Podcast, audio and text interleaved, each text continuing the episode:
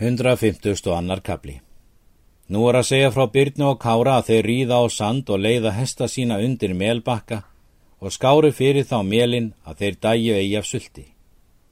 Kári var svo nærgætur að hann reið þegar í braud er þeir hættu leitinni. Hann reiðum nóttina upp eftir héræðinu og síðan á fjall og svo alla hinn að sömu leið sem þeir riðu austur og léttu eigi fyrir þeir komi með mörg. Björn mælti þá til Kára.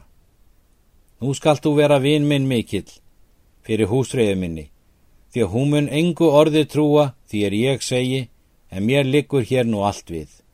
Launa þú mér nú góða fyllt, er ég hefði þér veitta. Svo skal vera, segir Kári. Síðan riði þeir heim á bæin. Húsreiða spurði þá tíðinda og fagnaði þeim vel. Björn svaraði. Aukist hafa heldur vandraðin kærling? Hún svara fá og brosti að. Húsriða mælti þá.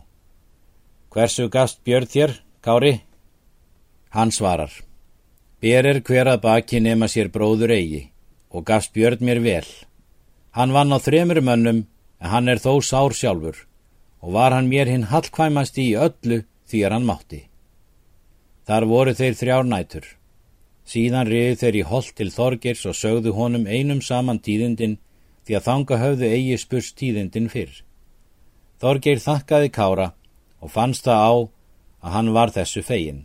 Hann spurði Kára að hvað þá væri óunnið það er hann ætlaði að vinna. Kári svarar, drepa ætla ég Gunnar Lambason og Kól Þosteinsson ef færi gefur á. Höfum við þá drepið 15 menn með þeim fimm er við drápum báður saman en þó vil ég nú byggja þig bænar, segir Kári. Þorger hvast veita honum mundu þar hann bytti. Kári mælti.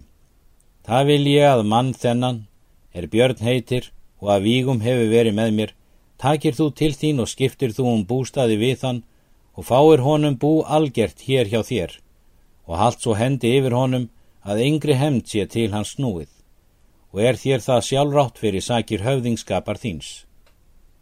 Svo skal vera, segir Þorger. Fekk hann þá byrni bú algjert að ásólskála en tók við bú í mörg. Þorger færði sjálfur hjón bjarnar til ásólskála og allt búferðli hans. Þorger sættist á öll mál fyrir björn og gerði hann al sáttum sáttan við þá. Þótti björn nú miklu heldur maður en áður fyrir sér. Kári reyði braut og létti eigi fyrir hann kom vestur í tungu til áskrims ellegrimssonar. Hann tók við Kára ágæta vel. Kári sagði honum frá öllum atbyrðum þeim er orðið höfði í vígum. Áskrimur létt vel yfir því og spurði hvað Kári ætlaðist á fyrir. Kári svaraði. Ég ætla að fara utan eftir þeim og setja svo að þeim og drepa þá ef ég fæ ná þeim.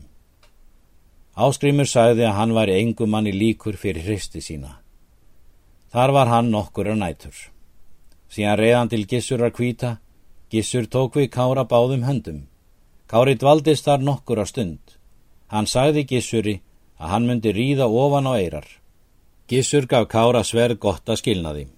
Reið þá nú ofan á eirar og tók sér þar fari með kolbeini svarta. Hann var orkneiskur maður og aldavinur Kára og var einn kappsamasti og hinn vaskasti maður. Tók hann við Kára báðum höndum og hvað eitt skildu yfir þá ganga báða.